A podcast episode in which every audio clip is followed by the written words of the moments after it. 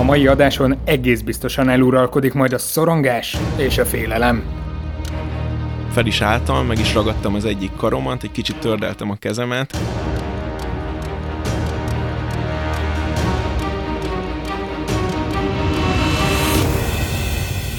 Amit most láttatok, az egy tipikus emberi szorongás.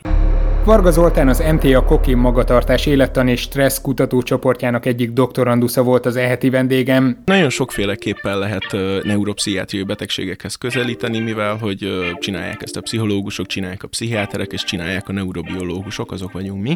Szó lesz majd biológiai háttérről. A fejlődés első hónapja alatt végbe megy ez a váltás, és az állatok is elkezdenek teljesen másféle ingerektől félni, mint egyébként a lárvák. Kutatási módszerekről. Van egy fenotípus, ezt széttúrtuk, és aztán helyrehoztuk.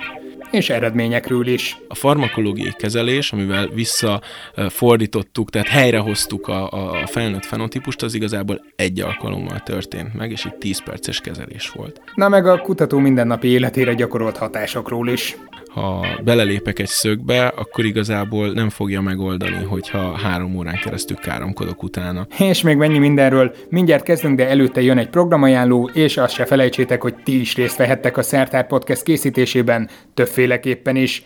Az egyik mód, ha egy jelképes havi összeggel hozzájárultok a költségekhez a www.patreon.com per szertár oldalon, de segíthettek a szerkesztésben is azzal, ha ajánlotok témákat és olyan szakértőket, akikről tudjátok, hogy lebilincselően tudnak a kutatási területükről beszélni, és szívesen is teszik azt. És természetesen annak is örülök, ha a terjesztésben segíthetek. Ha tetszett egy-egy adás, értékeljétek azon a felületen, amin hallgatjátok, és osszátok meg azokkal, akiket szerintetek szintén érdekelhet.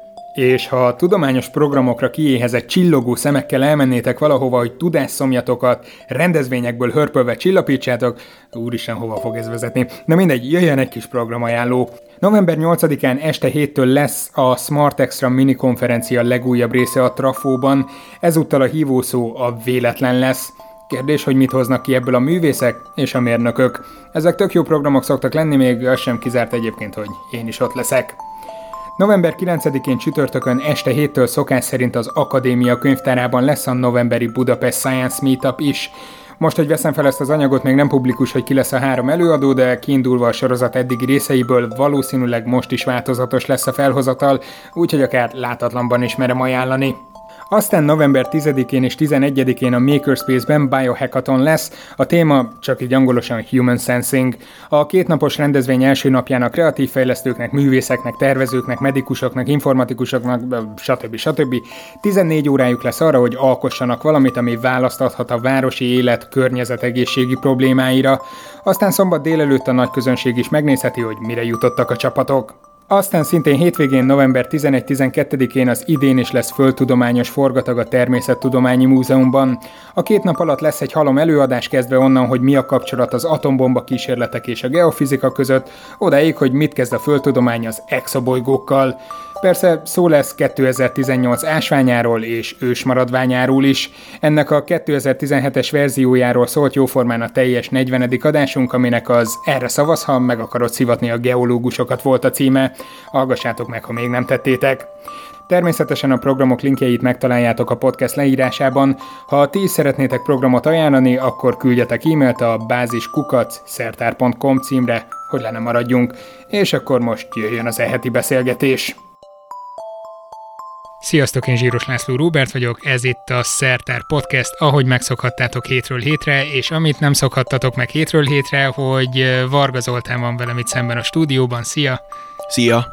Mert hogy mindig más vendéget igyekszem hívni, más kutatókat, vagy műszaki szakembereket, akikről lehet beszélgetni, és akikkel lehet beszélgetni, és szoktátok kérdezni, hogy mi alapján válogatom a vendégeket, és most ez nagyon-nagyon kézenfekvő volt, ugyanis mi szombaton együtt voltunk egy rendezvényen.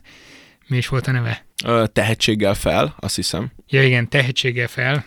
Vannak a TDK-k, ezek a tudományos diákkörök. Igen. és van a TDK-kért közhasznú alapítvány, ami szervezi ezt a rendezvényt. Az a lényege, hogy olyan középiskolások, illetve egyetemisták, akik kutatói pályára készülnek, vagy már most nagyon erősen érdeklődnek valamilyen kutatási terület iránt, őket igyekeznek összehozni náluk idősebb, már pályán lévő szakemberekkel.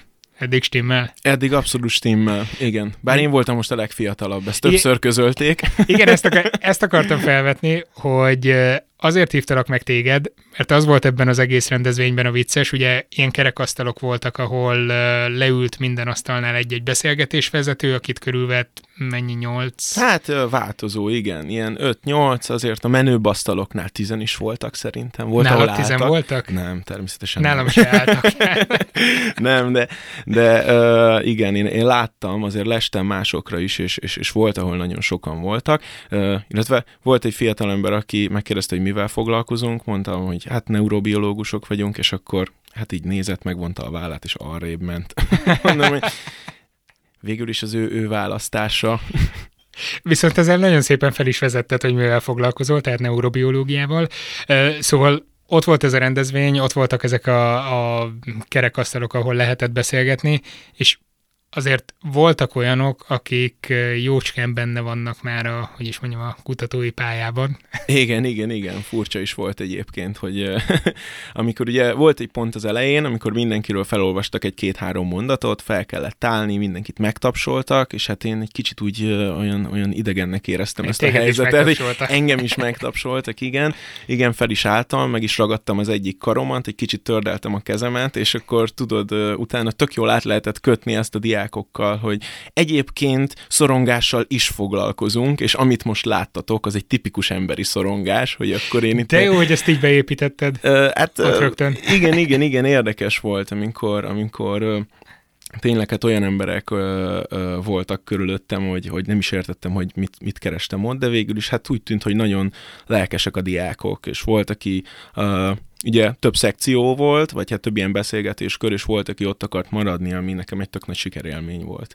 Pedig nem is gondoltam, hogy azért mégiscsak én mm, még nem olyan régen végeztem az egyetemen, ugye a PhD-met csinálom jelenleg a, az MTA Kokiban, és mégiscsak arról volt szó, hogy tudtam azért olyan információt átadni, ami, ami hát legalábbis így első körben úgy tűnt, hogy hasznosnak bizonyul nekik. Talán pont azért, mert még még, még kicsit benne élek abban, amiben ezek az emberek is most éppen belekezdenek. Igen, ez tök jó, hogyha megvan így ez a, ez a kapcsolódási pont azokkal, akikkel éppen beszélgetsz.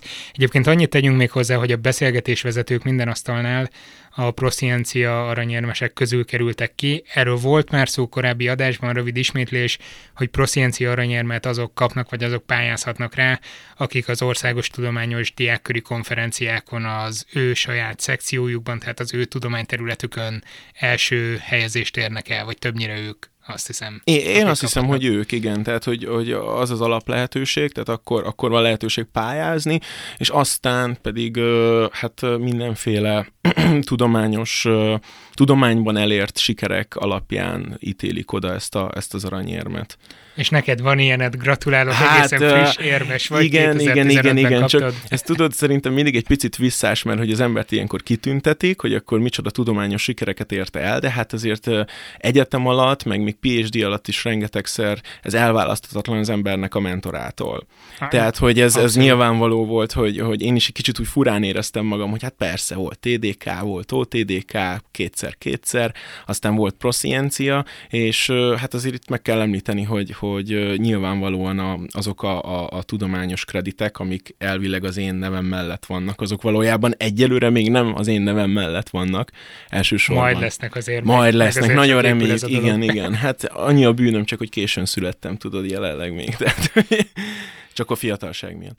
Ja, értem, tehát Igen. azt hittem rossz korba születtél. Nem, nem, nem, nem, nem, nem, nem érzem. Mondhatnám azt, hogy már mindent felfedeztek, de tuti nem így van. Tehát Szerintem majd... még biztosan felfedezni való, hiszen nem is dolgoznál különben a kokiban. Persze, nem? igen. Hát egyébként ezt a már mindent felfedeztek, ez, ez, ez lehetséges, hogy bizonyos tudományterületeken, hát nem tudom, hogy igaz-e, vagy hogy közelíti a valóságot. Homeopátiában de... például szerintem abszolút működik, nem? Tehát túl sok igen. újdonság nincsen ott. Hát igen, igen, igen. Az, az, azt megcsinálták a 17. században, már akkor olyan volt, amilyen, és még mindig olyan. Szóval igen, hát de neurobiológiában például abszolút nem ez a helyzet, mert ö, ö, ott azért még nagyon-nagyon sok kérdés van, ráadásul az utóbbi években történt néhány olyan, főleg metodikai áttörés, ami miatt úgy lehet vizsgálni az idegrendszert, ahogy eddig még talán nem is. Szóval Szóval azért van még, van még mit letenni az asztalra. Mi az, amivel te foglalkozol, csak hogy ilyen direktbe tegyen fel a kérdést, mert azt említetted az előbb, hogy ott a diákoknak rögtön tudtad mondani, hogy na, itt vagyok stresszes helyzetben, ja, ez az, amivel foglalkozom, de azért te nem magadat nem, nem, nem, nem, nem, ö, ö, abszolút nem. Hát már látom, megint sok volt a nem, megint a szorongás dolog, és akkor itt is sikerült ezzel átkötnöm. Ö, miatt az osztályom, az osztálynak alapvetően magatartás neurobiológia osztálya neve, és mi mindenféle viselkedésnek, a, illetve az ezeknek megágyazó emocionális állapotoknak, érzelmi állapotoknak az idegrendszeri hátterét vizsgáljuk. Főleg olyan viselkedésekről van itt szó, amik mondjuk valamilyen abnormális formában vagy mértékben megjelenhetnek mindenféle neuropszichiátriai betegségben. Tehát, hogy félelmi viselkedések, szorongás, akár szociális viselkedések, például agresszió, és... Hát erről most rengeteget lehet hallani, hogy mennyire fontos. Nemrég jelent meg valamelyik nagy portálon egy cikk, hogy a magyarok uh, milyen állapotban vannak így uh, hát igen, nem. mentális egészség szempontjából, tehát nem biztos, hogy vezetők vagyunk vagy vezetők vagyunk, csak nem biztos, hogy arról az oldalról, amerről kellene.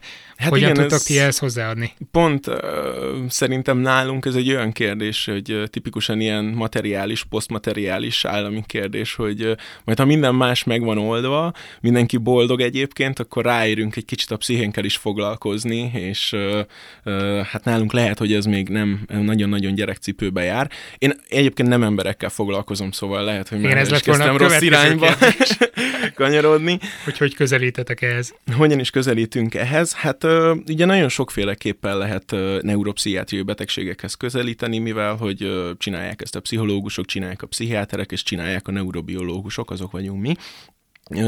Kicsit mások a kérdések, és kicsit más az eszköztára, hogy már megközelítjük ezeket a kérdéseket.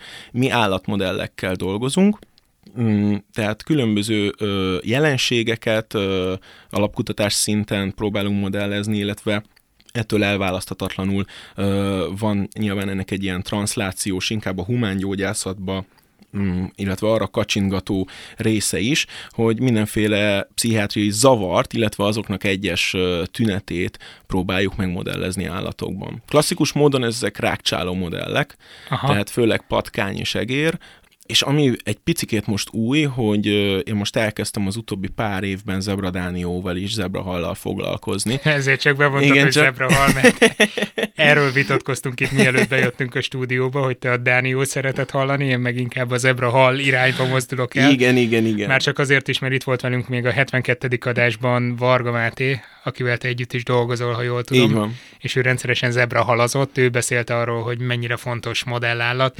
72. adás nézzétek meg, a, az ember az zebra hal mögött ez volt a címe.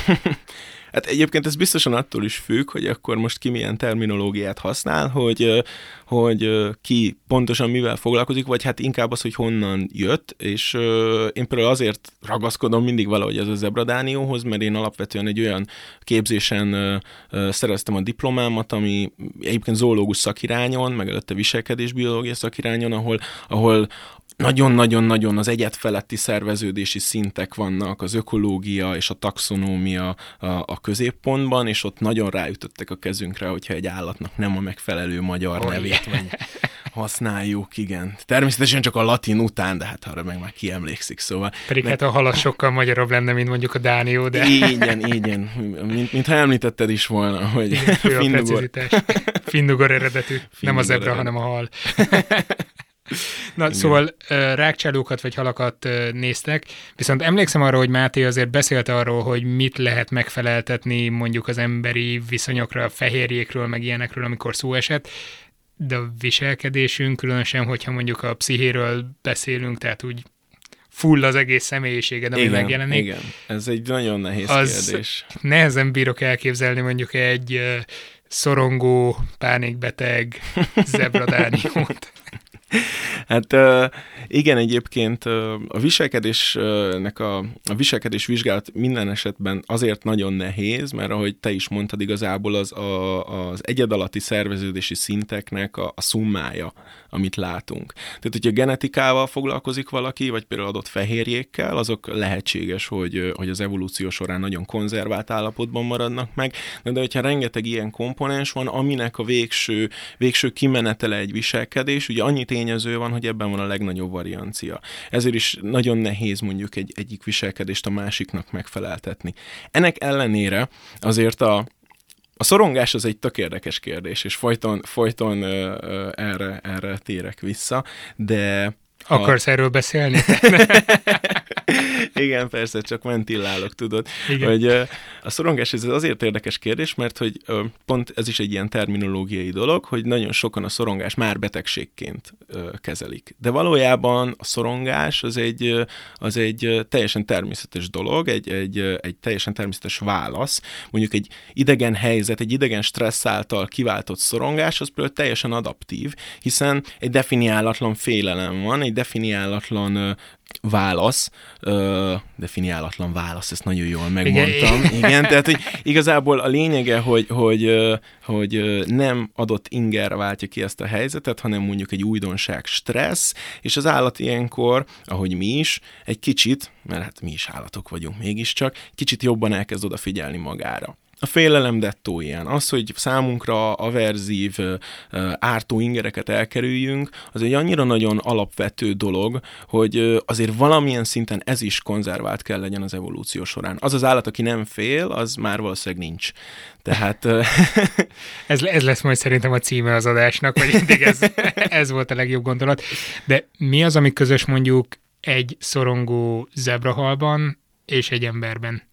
És egy egérben. Tehát mi az, amit tudtok vizsgálni? Tehát el nem bírom képzelni, hogy ott van az a hal, max ennyit csinál, tehát abból honnan látod, hogy szorong szerencsétlen vagy sem?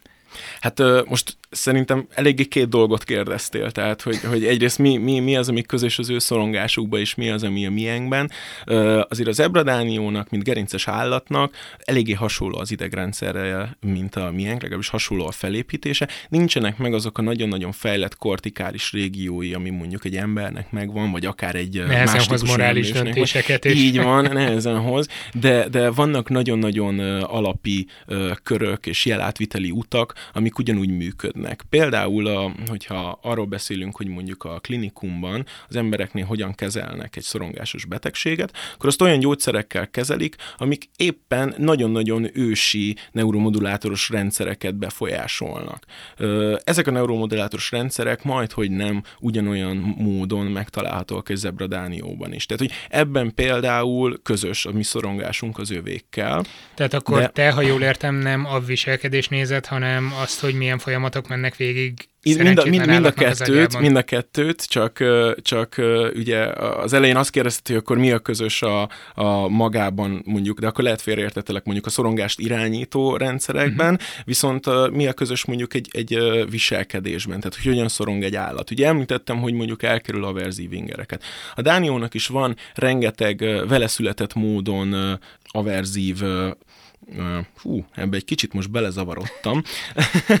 szóval ő is, vannak ő is, ő is elkerül. Igen, vannak helyzetek, amiket nem szeret, ő is elkerül bizonyos stimulusokat, például a, a megvilágítottság hiánya, sötét, gyűlölik a sötétet a legelején, nagyon-nagyon utálják, oh. de például, hát hogyan közelíthetünk egy halhoz, például a vízfelszínt is kerülik.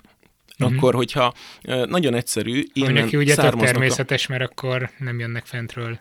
Hát igen, igazából má, igen, tehát kevesebb-kevesebb ragadozó hal érheti mondjuk el, és nekünk az a feladatunk, hogy megtaláljuk ezeket a számára természetes elkerülendő ingereket, ezeket valamilyen leegyszerűsített tesztrendszerbe belegyúrjuk, ezeket, a, ezeket az aspektusokat, és utána pedig nagyon egyszerűen mérhető, hogy egy állatnak éppen úgymond milyen a szorongás szintje, de, de, de inkább használjuk azt, hogy, hogy mennyire kerül el, mennyire intenzíven.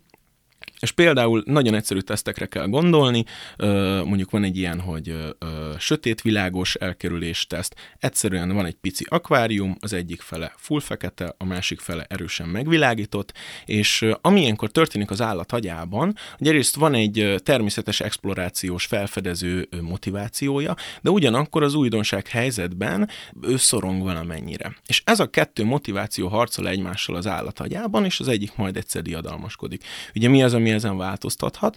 Ha az időben előre haladunk, az állat egyre inkább explorál, egyre inkább felfedezi a sötét területeket, és rájön, hogy ott igazából nincsen olyan valós veszély számára. Aztán Vagy megkocogtatjátok aztán az meg, nem, nem, nem, akarunk, nem akarunk különböző ingereket összekeverni, nagyon értelmezhetetlenné teszi ezeket. Ilyenkor próbáljuk nagyon nem megkocogtatni azt az adott üveget vagy hogyan lehet ezen még változtatni, és ezzel már egy kicsit a, a modell és modellezés irányába jutunk, például klinikai szorongásoldókat, emberen is használt szorongásoldókat adunk az állatnak, egyszerűen beoldjuk a vizébe, és azt vesszük észre, hogy az állatnál sokkal inkább az exploráció irányába dől el ez a kis mérleg. Oh. Úgyhogy ebbe, ezzel már is eljutottunk odaáig, hogy az ebradániónak sokféle validitása lehet egy modellnek, ez biztos már ezer ember elmondta ebben a műsorban. Például a prediktív... Viszonylag ritkán, ha, ritkán beszélünk egyébként ilyen formában modellekről, úgyhogy nyugodtan. Igen? Ja, jó, jó. Amúgy nem akarok nagyon belemenni, mert még a végén valami teljesen borzalmas dolgot mondanék, és akkor majd leszúrnának, tudod. Figyelj, legalább van interakció a hallgatókkal, úgyhogy akár már most is mondom, hogy ha bármivel nem értetek egyet, jelezzétek. Ha bármi újat tanultatok, nyugodtan írjátok meg, és ha bármivel egyetértetek, annak meg legjobban örülünk, és akkor osszátok is meg ezt az adást. Igen, hát uh, szóval Sokféle validitása lehet egy modellnek, de például az egyik típusú az a prediktív validitás, ami, ami tipikusan egy olyan dolog, hogy ami náluk működik, az nálunk is működik, mondjuk szorongás oldóként, és vice versa. Tehát a Dániónak ahhoz képest, hogy, hogy sok szempontból nem minden megfeleltethető, amit nála látunk az emberre. Érdekes módon a gyógyszerek baromi jól működnek. Uh-huh. És miért is jó egy ilyen rendszer? Nagyon nagy az áteresztő képessége ennek a modellnek, tehát nagyon sok állatot, nagyon olcsón tudunk tesztelni, tudunk vizsgálni, és hát akkor belegondolhatunk abba, hogy mondjuk ha van, nem tudom, 150, 200 vagy 10 ezer darab potenciális molekula, amikről úgy gondoljuk, hogy gyógyszer lehetne majd egyszer, akkor azt végig kell futtatni egy ilyen, egy ilyen Dánió rendszeren, megnézni, hogy akkor mi az, ami mondjuk toxikus, nem toxikus, mi az, ami befolyásolja a szorongást, félelmi válaszokat, akár agressziót, és sokkal jobban ki tudjuk szűrni, hogy amikor a következő lépéshez elérünk, és már rákcsálókon próbálkozzunk, akkor egyel azért már okosabbak vagyunk, hogy, hogy ez egy elmélet, vagy egy gyógyszergyárak tényleg ezt csinálják, hogy mondjuk az első körben mondjuk zebrahalakkal, zebradániókkal kísérleteznek? Az ökotoxikológusok például ezt csinálják, de mondjuk az ökotoxikológiában, hát ez nagyon rossz példa, úgyhogy lehet nem is folytatom nagyon, mert ott, ott ez egy önálló modell, ott, ott, ott feljebb léptünk, főleg az ilyen papucsállatkáktól, meg mindenfele, nem pedig a rákcsálóktól lefelé. Ö, ö, tehát ez egy, ez egy úgy tűnik, hogy lassan-lassan már bevett dolog lesz. Uh-huh. Tehát most már azért vannak ilyen nagy, nagy screeningek, hogy rengeteg molekulát vizsgálnak meg egyszerre ezen a fajon. És hát Aha. eddig erre nem volt lehetőség, hogy, hogy egy gerinces állaton uh, ilyen, ilyen nagy áteresztő képességű vizsgálatokat csináljunk. Ami miatt a neurobiológiában egy nagyon-nagyon hasznos modell, az egy kicsit más, de ez is az egyik komponense, hogy rengeteg állattal tudunk együtt dolgozni. Neurobiológiában azért nagyon jó ez az állatka, mert neki van egy lárva stádiuma, és ez a lárva, ez elég sokáig átlátszó, de teljesen. Tehát ö, ö, látjuk például az agyát felülről.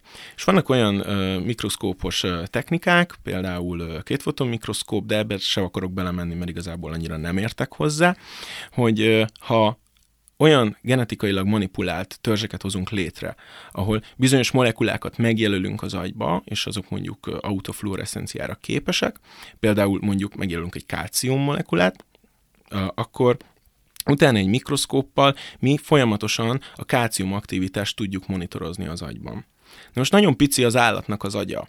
Tehát ez azt jelenti, hogy egy két fotomikroszkóppal, amiben egyébként egy rákcsáló agyban egy nagyon pici területet tudunk csak vizsgálni, itt a teljes agyat meg tudjuk nézni, beadunk az állatnak egy stimulust, és megnézzük, hogy pontosan melyik, azok az, melyik idegsejtek jönnek ingerületben, melyik kezdenek el tüzelni, és ezáltal gyakorlatilag real-time, in vivo, tehát élő állatban tudunk nézni egy, egy fiziológiás választ az agyban. És akkor ezt a halat utána vissza is tudjátok engedni a vízbe, tehát Így van, így van. Ő a legtöbb esetben egy ilyen, így van, a legtöbb esetben egy ilyen ö, ö, agarkockába beágyazott állatról van szó, a, a, a, az expertek ki tudják szedni belőle. ki tudják szabadítani az állatot. Tehát, hogy először beágyazzátok a halat egy ilyen zselészerű kocsonyába. Így van hogy ne ficánkoljon. Hogy ne ficánkoljon, igen, mert, mert ez de jó. az nagyon, nagyon elront. Hogy, ugye, De lehet, hogy ettől ez nem zavarja az eredményeket? Tehát, ha én hal lennék, én egész biztos, hogy ez egy iszonyatos stressz. egy kocsonyában lennék. Ez egy iszonyatos stressz neki. Én nem is akartam még ezt a kettőt összekötni, bocsánat. Tehát, hogy ez, ez most egy ilyen, ez egy ilyen in vivo, in vivo calcium imaging technika, és, és maga a viselkedés tesztek az még egy másik. Hát az arra egyébként van, van potenciális esély, hogy, hogy így ez hamarosan összeér, és akár egy, egy viselkedő állatot, aki úszik, és, és, és eldönti, hogy éppen ő hol szeretne tartózkodni, ő neki is vizsgáljuk élőben az agyát. Tehát, hogy ezek jelenleg még ezek a, a, a mikroszkópos, ezek a típusú mikroszkópos vizsgálatok még eléggé gyerekcipőben járnak. Uh-huh. Úgyhogy ez még nincs összekötve, de hát szerencsére akkor majd lesz, lesz miből pozdakoskodni, tudod.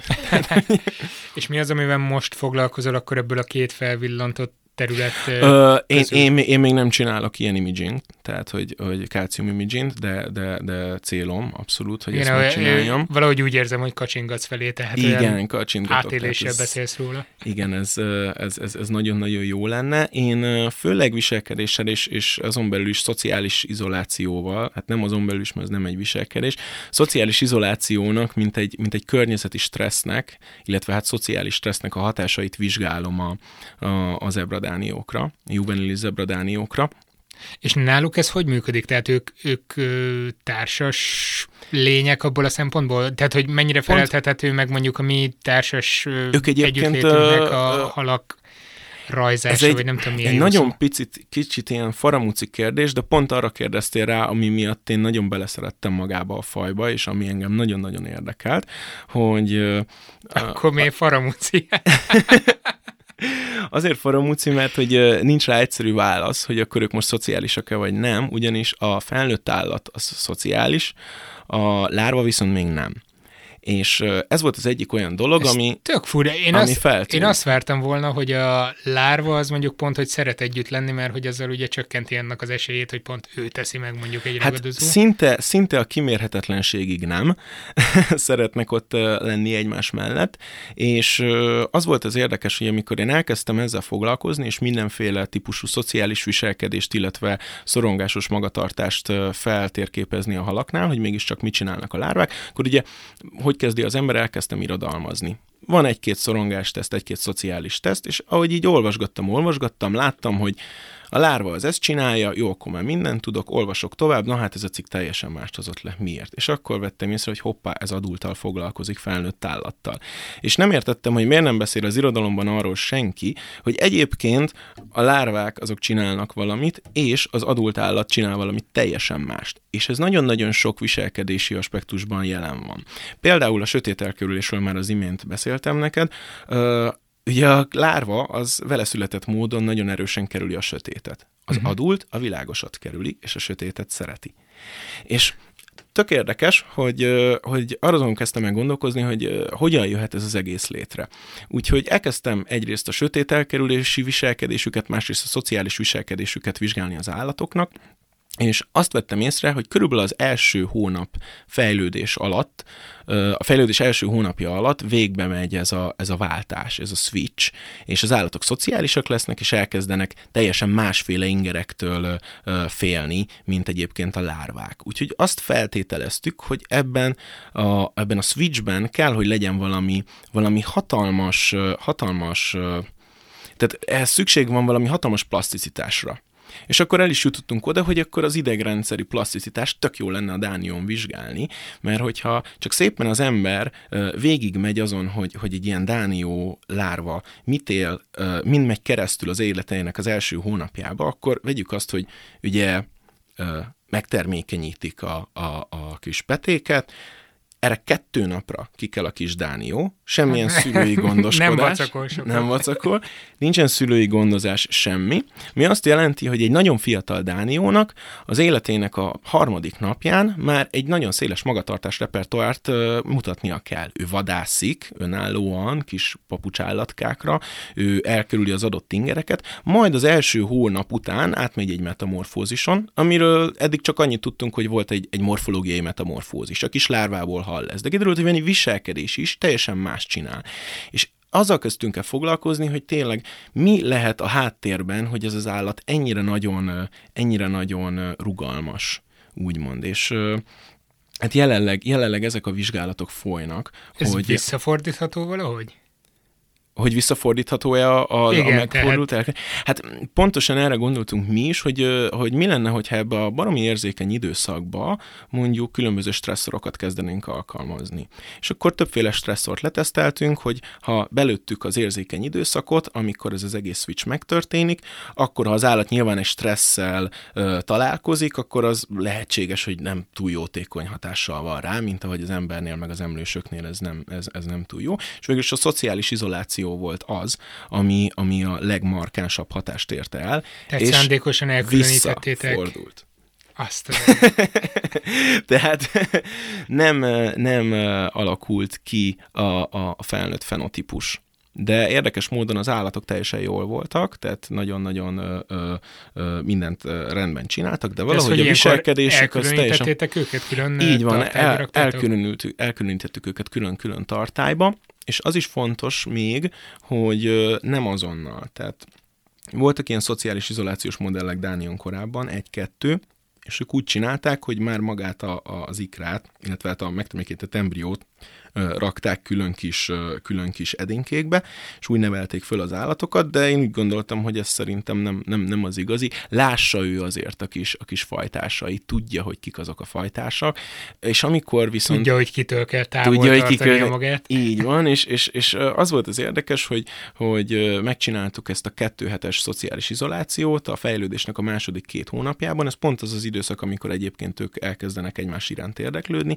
és hát utána kimértünk egy egy ilyen, egy ilyen nagyon-nagyon robusztus szociális averziót egyrészt, tehát utálták a, a haverokat, viszont ami más volt, hogy ezt a sötét elkerülés pedig, ahogy nagyon jól rátapintottál, ez meg, ez meg egyszerűen nem alakult ki.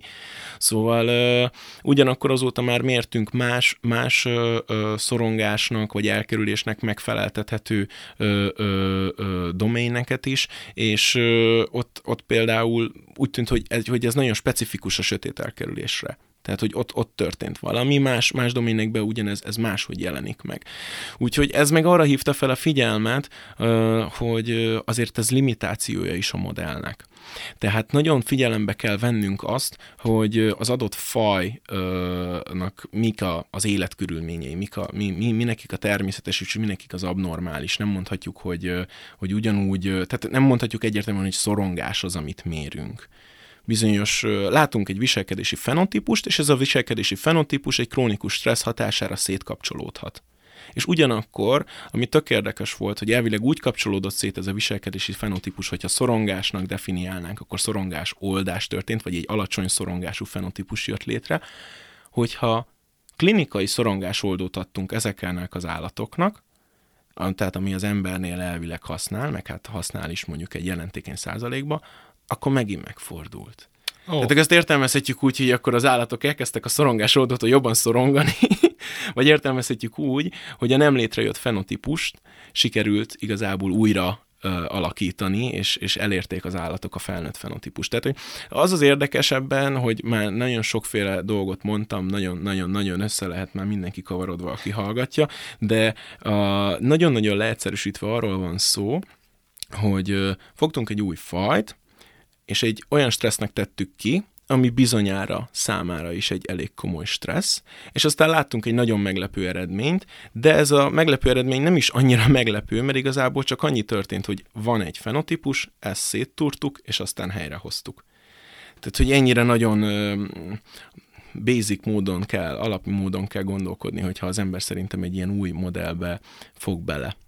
És mi lehet ennek mondjuk a következő lépcsője egy ilyen kutatásnak? Mi az, ami most uh, foglalkoztat titeket? Tehát oké, okay, ez sikerült tisztáznatok, hogy ott volt az a kulcs időszak, ahol van uh-huh. ez a switch, ez az átkapcsolás, amire nektek szükségetek volt. Innentől kezdve még jön egy szabadalom, hogy akkor ezt a, ezt a szakaszt kell felhasználni majd hatékonyan gyógyszerkísérletekre, vagy... Ez mondjuk egy lehetőség, tehát hogy, hogy, hogy farmakológiai ö, ö, screening vagy hát szűrésre ez az időszak potenciálisan felhasználható, ez elég valószínű, illetve hát nyilván ez a translációs ilyen, ilyen humán felé kacsintgató oldala a dolognak, és hát engem sajnos egy kicsit jobban érdekel az alapkutatás része, hogy pontosan megértsem, hogy, hogy hogyan lehet az, hogy egy állat, aki ennyire nagyon gyorsan kifejlődik, egy relatíve rövid, de krónikus stressz mindent széttúr, és utána, azt nem mondtam el az előbb, de a farmakológiai kezelés, amivel visszafordítottuk, tehát helyrehoztuk a, a felnőtt fenotípust, az igazából egy alkalommal történt meg, és egy 10 perces kezelés volt. És Tehát az állat... 10 percre beleraktátok egy olyan akváriumba szerencsétlent, ahol volt az az adott gyógyszermolekula, és... És az állat meggyógyult. Tehát, hogy, hogy itt, uh, itt, itt valami olyan, olyan mérhetetlen plaszticitásról van szó, valami uh, olyan, olyan uh, mm, nagy, hát nem is tudom, tehát van, van valami hatalmas potenciál ebbe az állatba, én ezt sejtem, aztán még kiderülhet, hogy nincs persze, de, de engem, engem, engem most jelenleg ez, ez mozgat, hogy, hogy megtudjam, hogy ő, hogy mik azok a mechanizmusok, amik révén ő ennyire gyorsan tudja oda és vissza rendezni a, a különböző, különböző mm, hát ilyen jelátviteli útjait, dominanciáját. De még ha tök jó is ez a modell, úgy, ahogy te azt várod, hogy milyen jó lenne, ha jó lenne. Hol kapcsolódhat majd szerinted a humán kutatás ehhez? Van sok millió ilyen apróska kis eredményünk, és akkor azt majd összegyúrjuk egy nagy emberi adjá. Ja, hogy ennyire, ennyire, uh, De nem, ennyire, ennyire kérdezett, visszamehetünk, hogy... visszamehetünk nyugodtan, tehát én is érzem, hogy ez inkább ilyen tündermese kategória. A, ez a rengeteg kis eredmény, uh, Hát amit, amit nagyon jól lehet humánra vonatkoztatni, és akkor én nagyon picit visszakanyarodnék ahhoz, amit mondtam, hogy vannak ezek a bizonyos ősi rendszerek, amik a Dánióban is nagyon hasonlók. Ö, ö, például ezeket a rendszereket szerintem az itt tanult dolgokat nagyon jól fel lehet majd használni későbbiek, a későbbiekben humánban, mert hogy hát abban limitációként írják le, hogy az állatnak nincs meg az a kortexe, az az agykérge, ami nekünk, de ha belegondolsz, ez ugyan a validitáson minimálisan csökkent, de ugyanakkor a modell kezelhetőségét növeli, hiszen és sokkal tisztább módon látunk rá ezekre az ősi mechanizmusokra. És ahogy említettem szintén, hogy ezeket a mechanizmusokat érik leginkább a gyógyszerek, amiket, a, amiket humán esetekben alkalmazunk, úgyhogy ezeknek a rendszereknek a teljesen tiszta, kortextől mentes működésének a feltérképezésére szerintem tökéletes a Dánió és ezt onnan is meg lehetett, meg lehetett ismerni, hogy ebben nem akartam belemenni, de igazából nem csak viselkedést vizsgáltunk, hanem, hanem élettani paramétereket is, és az a helyzet, hogy az élettani változások, illetve egy konkrét jelátviteli rendszernek a változása, a szerotonerg rendszernek, illetve a, a viselkedés, az, az annyira nagyon tükrözte egymást, tehát szinte kéz a kézbe járt a kettő, akármilyen manipulációt végeztünk. Ami tényleg azt jelenti, hogy egy nagyon-nagyon-nagyon kőegyszerű rendszerről van szó. És egy ilyen rendszeren keresztül egy ugyanakkor evolúciósan konzervált jelátviteli utat szerintem nagyon jól meg lehet érteni. És akkor ezt akár a ti kutatócsoportotok, akár máshol a világban más élőlényeken hasonlót megfigyeltek? Mm, már hogy, hogy érted, hogy más élőlényeken? Vagy a, Mondjuk tehát, hogy rákcsálókon, a... vagy, vagy más tipikus modellállatokon. Hát ugye a rák... Ami már egy fokkal bonyolultabb, mint mondjuk egy zebrahal. Ja, tehát, hogy ö, úgy érted, hogy amit mi ö, megtaláltunk Dánión, azt igazolták-e később Igen, igen, igen, igen. Ö, igen, vannak egyébként olyan, olyan mechanizmusok, amik, amik nagyon-nagyon hasonlóak.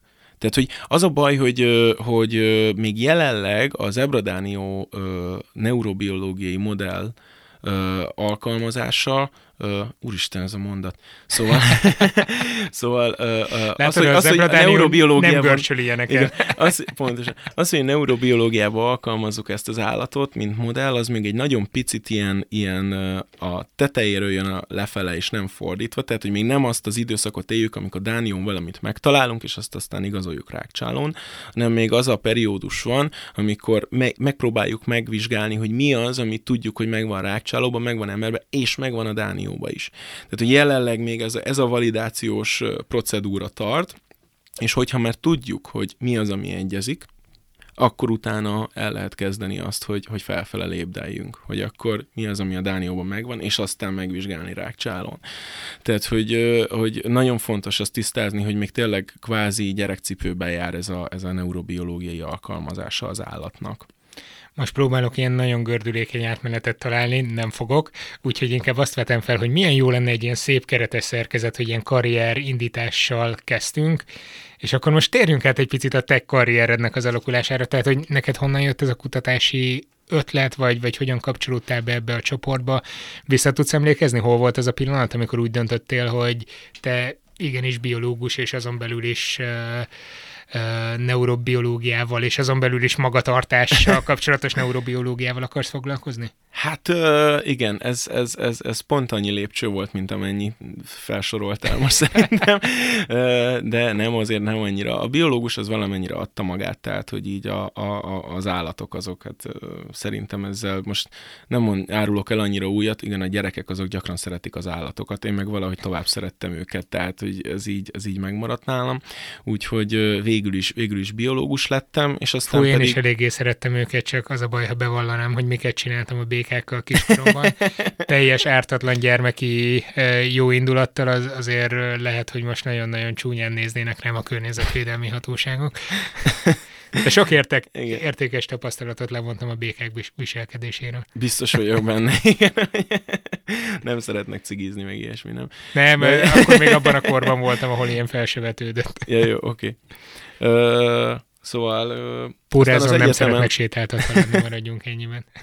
Igen, aztán az egyetemen uh, mégis a viselkedés biológia, főleg az etológia az, ami, ami nagyon tetszett, de ugyanakkor, ugyanakkor főleg tehát szerettem az endokrinológiát is még, tehát az, az még valahogy a gimis biológiából jött, hogy, hogy ezek a hormonok, ezek, ezek nagyon mókásak szerintem, meg nagyon jó, hogy nagyon megfogtak ezek a teljesen feltérképezett körök, hogy hogyan, hogyan működnek. Vagy akkor még úgy gondoltad, hogy teljesen feltérképezett, aztán Igen. egyetemen kiderült, hogy... Igen, egyetemen kiderült, hogy annyira nem, de ugyanakkor egyetemen meg nagyon-nagyon megtetszett a, a, az etológia, a viselkedésbiológia, és hát akkor én az etológia tanárommal mal, leültem beszélni ö, első éves koromban, hogy ö, hát ez a kettő az, ami nagyon tetszik, és akkor ő meglepően gyorsan adott egy nevet. Tehát, hogy ö, ö, én egyébként a... Ja, hogy egy kutatóhoz. Egy kutatóhoz, Aha. igen, igen, és, és el is mentem oda, mert mint kiderült, magának a, a kutatócsoportnak ö, ö, elég sok tagja végzett akkor ott ebben a, a, ezen az egyetemen. Egyébként én a, a, a CIA állatorvosinak a biológus szakára jártam, és hát kiderült, hogy az korábban zoológusnak hívták, most biológusnak hívják, de ettől függetlenül tök sok ember ment már ebbe a kutatócsoportba, úgyhogy a legtöbb kollégám az, az, az ott is végzett. Uh-huh és ö, hát igazából ott kapcsolódtam be ebbe az egész dologba, és akkor hát nem tudom, elkapott a gépszi, tehát hogy ment a viselkedés, ment, a, ment az élettan, és, és nagyon-nagyon szerettem. Aztán a dániózás maga az akkor jött, hogy mivel relatíve már korán elkezdtem ezt a, ezt a bejárogatást, meg TDK-zást, ezért szerencsére már, már sikerült talán elsajátítanom annyi dolgot, illetve kaptam annyi bizalmat a PHD alatt, hogy kvázi egy, egy új területet azt, azt az alapjaitól kezdve egy szinte rám bíztak, hogy akkor van ez a lehetőség, valaki olvasta valahol, hogy akkor egyébként ez, ez, ez, ez a Dánió az így jön föl, viselkedés neurobiológiában is, és hogy lenne kedvem nekem ezzel, ezzel elkezdeni foglalkozni. És nekem a, a Varga Máté laborjába volt egy barátom. Csak a... hogy visszautaljunk 72. Igen. adásra, nem, nem véletlenül írtam fel magamnak. Igen, és ez a barátom, a, a Zsigmond Áron, aki a Máténak volt a PHD hallgatója. Ö, hát igazából őt megkerestem, vele, meg a Mátéval, ö, illetve a témavezetőmmel, az Alicki Monóval leültünk, és hát megbeszéltük, hogy hát lenne néhány ötletünk, meg tök, tök jónak tartjuk ezt a modellt így az irodalom alapján, és a Máték pedig nagyon-nagyon nyitottak voltak, és iszonyatosan segítőkészek, és máig is azok, tehát, hogy minden, minden lehetőséget megadnak, hogy, hogy ezekből a, a gyerekcipőben járó vizsgálatokból ténylegesen komolyabb tudományos eredmények legyenek. Úgyhogy hát ez most már egy olyan három éve jött ez a dániózás. És egy tök jó PhD témát. Ö, nagyon remélem, igen, igen, igen. És mit tervezel utána? Húha, hát ö, kettőt is könnyebben. Szóval ez, ez, ez, ez nem tudom, ez, ez bonyolult kérdés, hogy mit. Ez nyilván függ attól is, hogy, hogy az ember itthon nyere pályázatot, vagy, vagy, vagy, vagy nem itthon nyer pályázatot, vagy, tehát ezért vagy nem nyer pályázatot, vagy, vagy nem nyer itthon, pályázatot, vagy, nem vagy semmit sem nyer, igen, igen, és akkor csak összegörnyed és sír, tudod. Nem, hanem ö, ö, szerintem azért egészséges minden kutatónak ö, akár a PhD-je vége felé, akár pedig pozdokként egy kicsit, kicsit elmenni külföldre. Mert azért nagyon sok helyen nagyon sokféle szemlélet van, amik ö, mások, mint, mint, mint ami itthon van, és ö, ezeket megtapasztalni mindenképpen meg kell. Én azért annyira nem féltelek abból a szempontból sem valószínűleg, hogy azért az agykutatásnak egy elég masszívan fejlődő jövője van, ha mást nem nézünk, akár a társadalmi megítélését is. Ja, hát abszolút, Tehát, hogy... abszolút. Tehát, hogy én úgy szoktam hívni a neurobiológiát, hogy az itthon a tudományok focia, szóval, hogy az én minket nem szeretnek. Tudom, hogy, nem tudom, hogy ez mennyire pejoratív volt, vagy, vagy ez az, amihez mindenki ért? Nem, vagy... imádom a focit, persze. nem, ö, ö, de ez a mindenkiért átkapcsolás, így még megmenthetjük ezt a mondatomat, azt hiszem.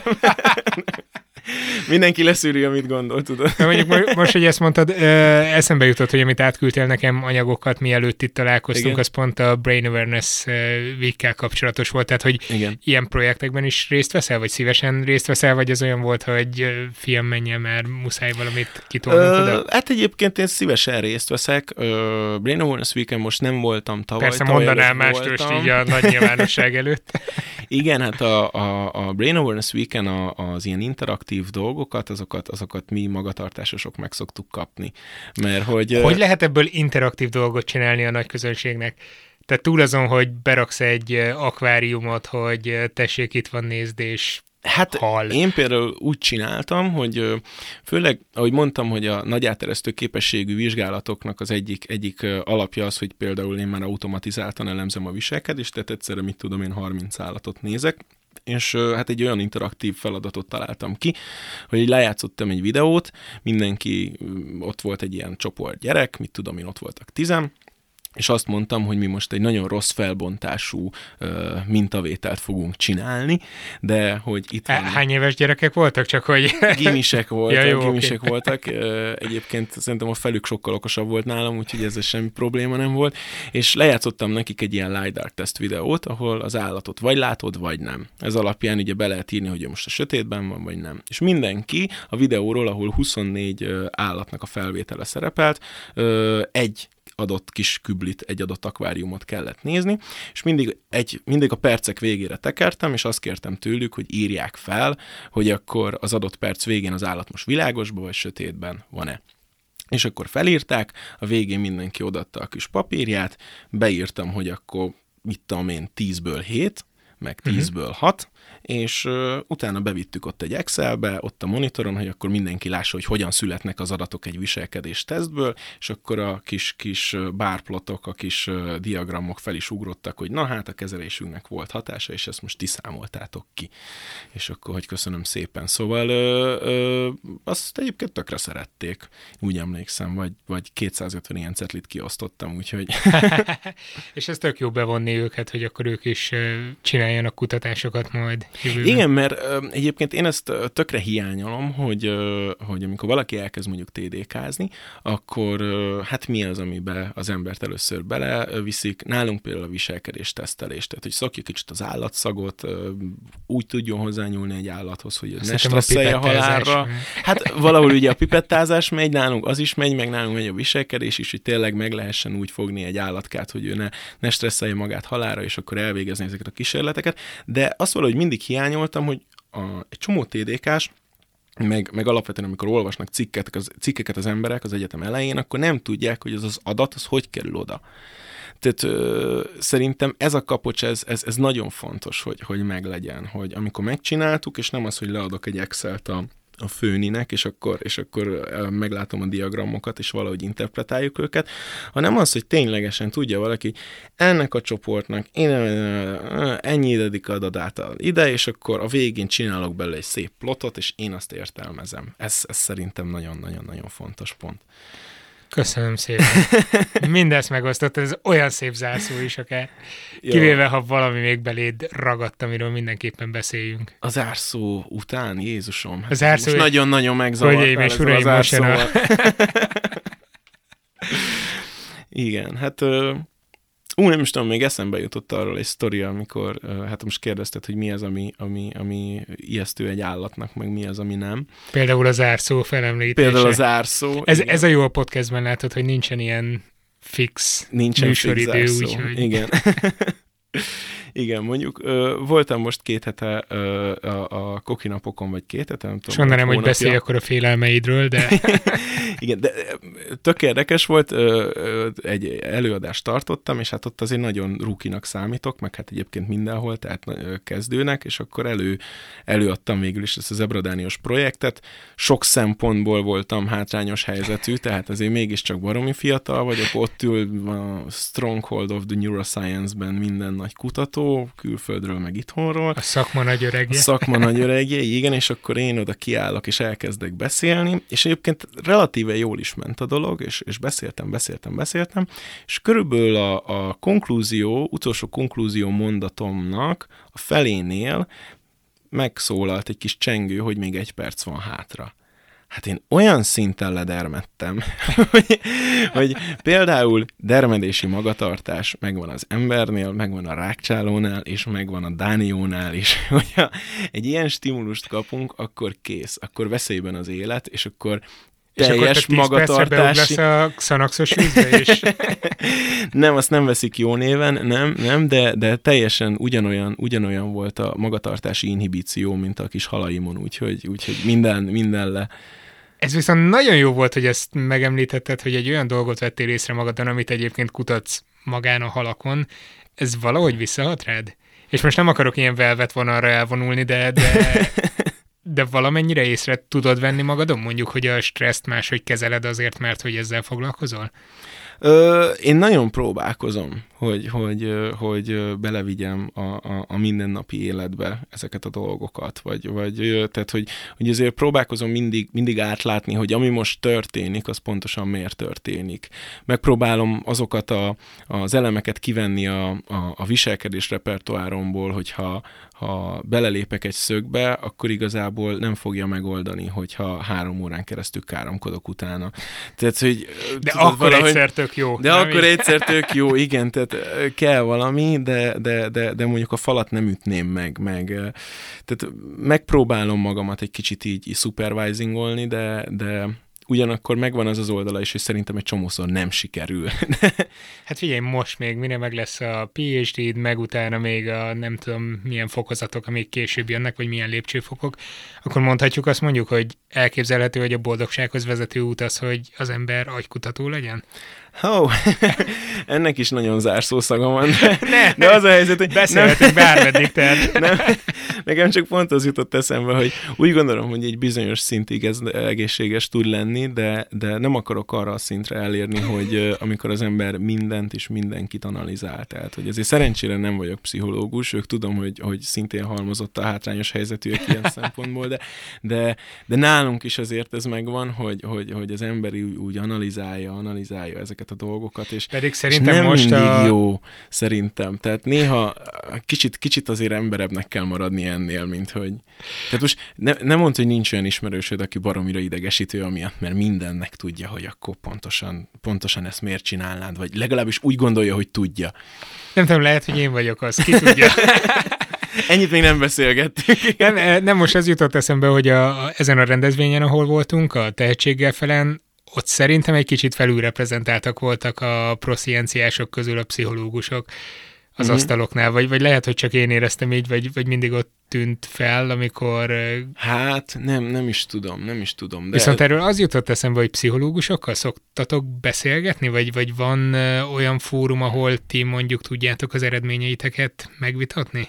Hát mondjuk, ahol én pszichológushoz a legközelebb kerülök, az általában mondjuk a, a SOTE, SOTE... Most a magánéleti dolgokat nem kell behozni. Nem, nem, nem erre gondolok, nem a, a SOTE neurobiológia iskola, uh-huh. igazából, vagy hogy hívják a Szent Ágotai Idegtudományi Iskola talán. Ö, ott ugye vannak, vannak biológusok, vannak orvosok, vannak pszichológusok. És ö, azért nagyon látszik, amikor egy-egy órát mondjuk végigültünk, egy-egy kurzust, hogy, hogy nagyon máshogy tekintünk mi a dolgokra. Tehát nem nagyon szoktunk egyébként konzultálni, szerintem vannak, vannak ö, ö, kevésbé, vannak, vannak picit, nem azt mondom, hogy összeegyeztetetlen dolgok, csak ö, néha inkább már teher, mint segítség megvitatni mindent az alapjaitól, hogy akkor mi most hogy gondoljuk. Én úgy gondolom egyébként, hogy inkább a, a, a pszichiátria az, ami egy picivel közelebb áll, mert hát mégiscsak farmakológia, uh-huh. meg, meg ők, is, ők is ezekre a mechanizmusokra támaszkodnak. Amikor valaki a, a beszélgetésben már beleviszi a lélekszót, akkor én már nem, nem szoktam belemenni annyira az idegrendszeri háttérben. Ahhoz kell még az a plusz cortex, ami hiányzik mondjuk a Dánióból. Igen, igen, igen, igen, igen. Ja. Igen, ez lehet, hogy, lehet, hogy, lehet, hogy csak emberem vizsgálható, és ez így, így van jól. Ez már lehetett zárszó? Lehetett, persze, lehetett, igen. Köszi szépen, hogy itt voltál velünk, és megosztottad mindezt. Én is köszönöm a meghívást, hát remélem, hogy nem volt nagyon, nagyon összevisszaság. Figyelj, ezeket úgy is megkapjuk visszajelzésekben, hogyha igen, hogyha nem, írjátok meg lájkoljátok az adást, vagy tényleg szóljatok hozzá, akár a Soundcloudon, akár ott, ahol mindenütt ezeket megosztjuk. Az adásokat egyébként követhetitek a Szertár SoundCloud profilján, vagy pedig bármelyik okostelefonos alkalmazáson, amelyiken csak podcastet szoktatok hallgatni. Miket kell még itt elmondani? Ja igen, kövessetek minket uh, Facebookon, uh, engem szintén Facebookon, vagy Youtube-on, vagy Twitteren, vagy, vagy Instagramon, meg még ki tudja, hogy hol. A báziskukat.szertár.com-ra írhatok, hogyha hozzá szeretnétek még tenni valamit. Egyébként meg köszi szépen, a Patreon támogatóknak pedig különösen. Sziasztok! Sziasztok! Ez a műsor a Béton közösség tagja.